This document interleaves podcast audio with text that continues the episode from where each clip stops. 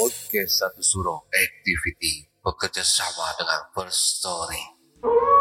Plafon First Story ini sangat membantu saya untuk membuat publish show saya makin terkenal. Kalian perlu ketahui, ternyata platform Palugada ini sangat gampang sekali. Keren, lengkap, dan yang pasti 100% gratis. First Story tidak hanya mempermudah untuk mengelola podcast. Dalam hal distribusi pun, First Story memiliki banyak jaringan. Di antaranya Spotify, Apple Podcast, Noise, dan platform podcast lainnya. Podcastmu pun bisa monetisasi di First Story, menghasilkan keuntungan yang berlimpah. Tidak perlu berpikir lama, segera gunakan First Story dan bikin podcast kamu jadi terkenal. Gak pakai lama.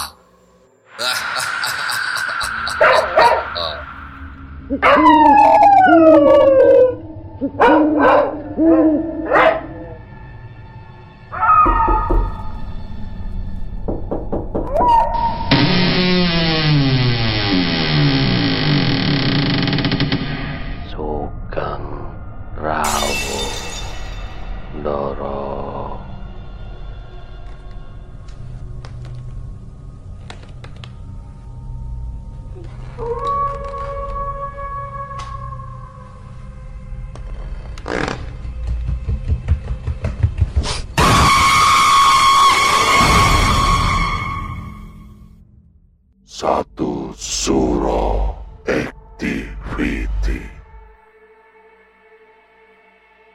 Assalamualaikum warahmatullahi wabarakatuh.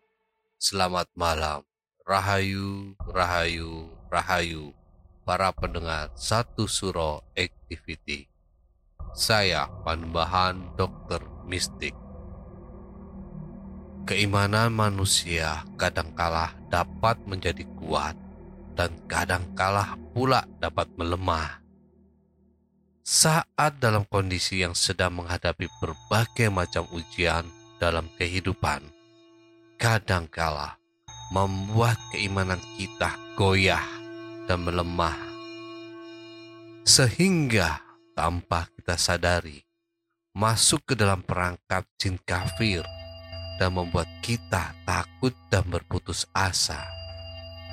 Seperti halnya kisah mistik malam hari ini yang dialami oleh adik dari Ardian dia. Selamat mendengarkan.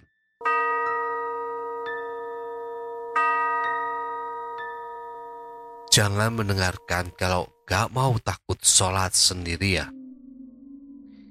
Ini adalah kisah nyata yang adikku aku sendiri yang mengalaminya.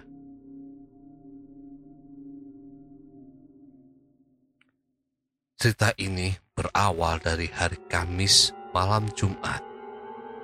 Aku baru selesai mandi wajib, selesai haid. Tapi aku mandinya sudah menjelang maghrib.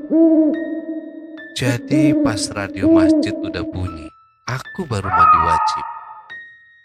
Selesai mandi, aku keluar dari WC. Ternyata ibu aku udah berangkat ke masjid duluan.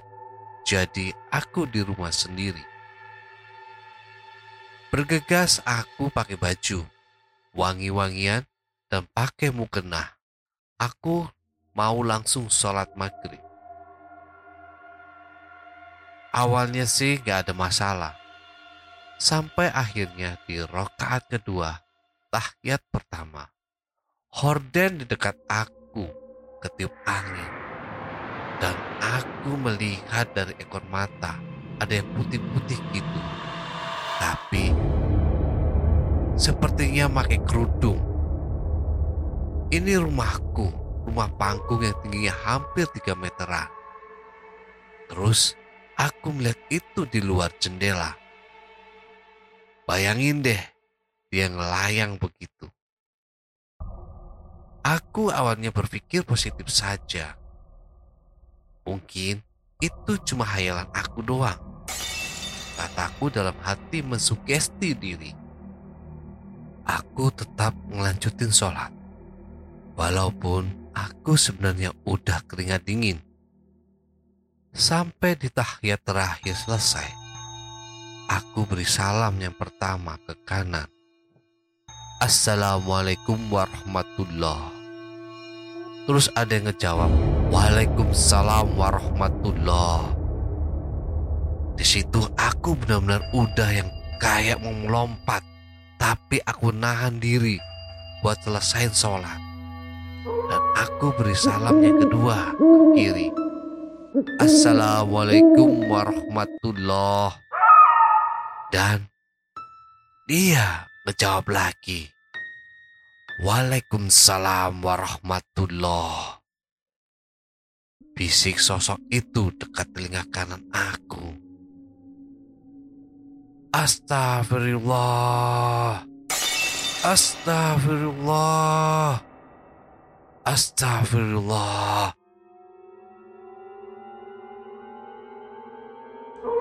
Kataku yang sudah sangat ketakutan. Aku buka mengenaku Terus aku ke kamar buat ngedengerin musik agar rasa takutku hilang. Tapi bukannya rasa takutku yang hilang, malah malah aku ngedengar kayak ada yang lagi ngaji di ruang tamu. Tapi suaranya kecil gitu. Gak lama, suaranya makin ke sini makin kencang dan udah nggak ngaji lagi. Dia teriak bikin telingaku sakit. Astagfirullah. Itu apa ya Allah? Kataku sambil menutup kuping pakai bantal.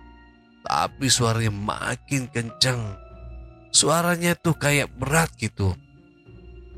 Aku baca surat pendek yang ku tahu tapi suaranya nggak mau berhenti. Aku coba membaca ayat kursi. Bismillahirrahmanirrahim. Allahul la ilaha illa huwal hayyul qayyum. Baru satu tarikan nafas, sosok itu sambung ayat kursinya sampai selesai. Pas Sosok itu sudah selesai lanjutin ayat kursi yang aku baca tadi. Tiba-tiba dia tertawa kencang sambil ngomong.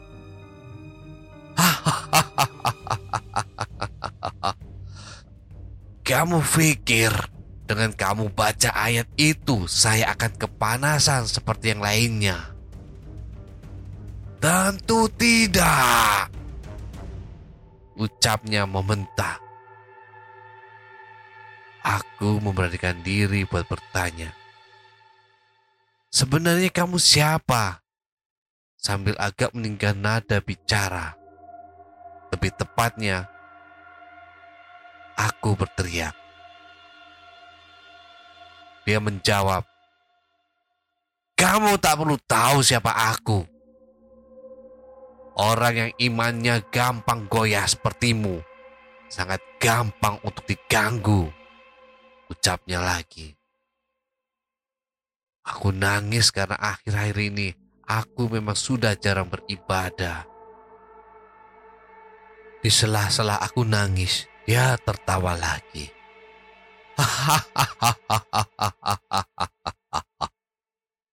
Membuat gendang telinga ini serasa mau pecah. Tak lama kepalaku pusing dan penglihatanku meredup. Bangun-bangun di hadapanku sudah ada ibu. Ibuku bertanya, kamu sebenarnya kenapa dek? Kok tadi pas ibu pulang dari masjid ibu panggil-panggil, kamu nggak ngejawab? Kata ibuku. Aku awalnya nggak mau cerita ke ibu. Tapi aku pikir ibuku juga berhak tahu. Aku beristighfar, terus aku nangis sejadi-jadinya. Ibuku nanya lagi, sebenarnya apa yang sudah terjadi di sini, dek? Coba kamu cerita. Aku ceritain dari awal aku digangguin sampai aku sudah tak sadarkan diri. Ibu kaget dengan ceritaku.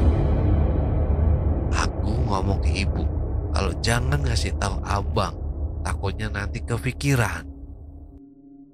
Tapi tiga bulan kemudian, aku sendiri yang cerita ke abang.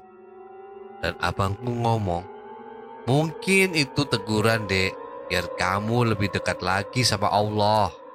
Para pendengar satu surah activity.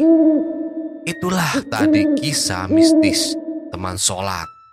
Dari kisah tersebut dapat kita ambil hikmah bahwa dari golongan kaum jin baik itu jin kafir, pun dapat mengikuti dan mengucapkan bacaan ayat-ayat dari surat di dalam Al-Quran. Biasanya jin kafir yang memiliki kasta tinggi yang dapat mengucapkan bacaan-bacaan ayat Al-Quran dengan fasih. Jika manusia yang memiliki keimanan yang tipis, maka itu kesempatan bagi para jin kafir dengan mudahnya memperdaya manusia dengan tipu muslihatnya.